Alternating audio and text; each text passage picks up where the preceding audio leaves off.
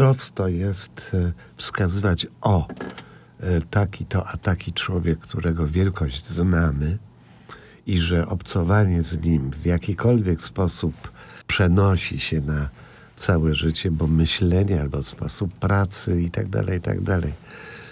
Mm, ale dotyczy, yy, a nazwijmy to, anonimowych spotkań także. Nawet w sensie dosłownych. Yy, nie znam nazwiska i tak dalej. Yy, przypadkowe spotkanie w tramwaju, coś usłyszę, popatrzę na człowieka i to zostaje. I yy, mnie się wydaje, że my jesteśmy skonstruowani tak społecznie, że krzywdzimy się bardzo, jeżeli się zamykamy na drugiego człowieka.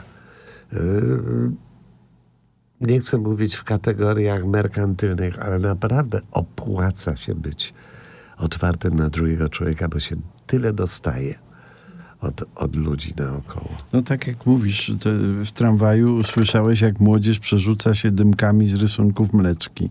I to był ten impuls, dzięki któremu powstała tak. potem opera mleczana, tak. prawda?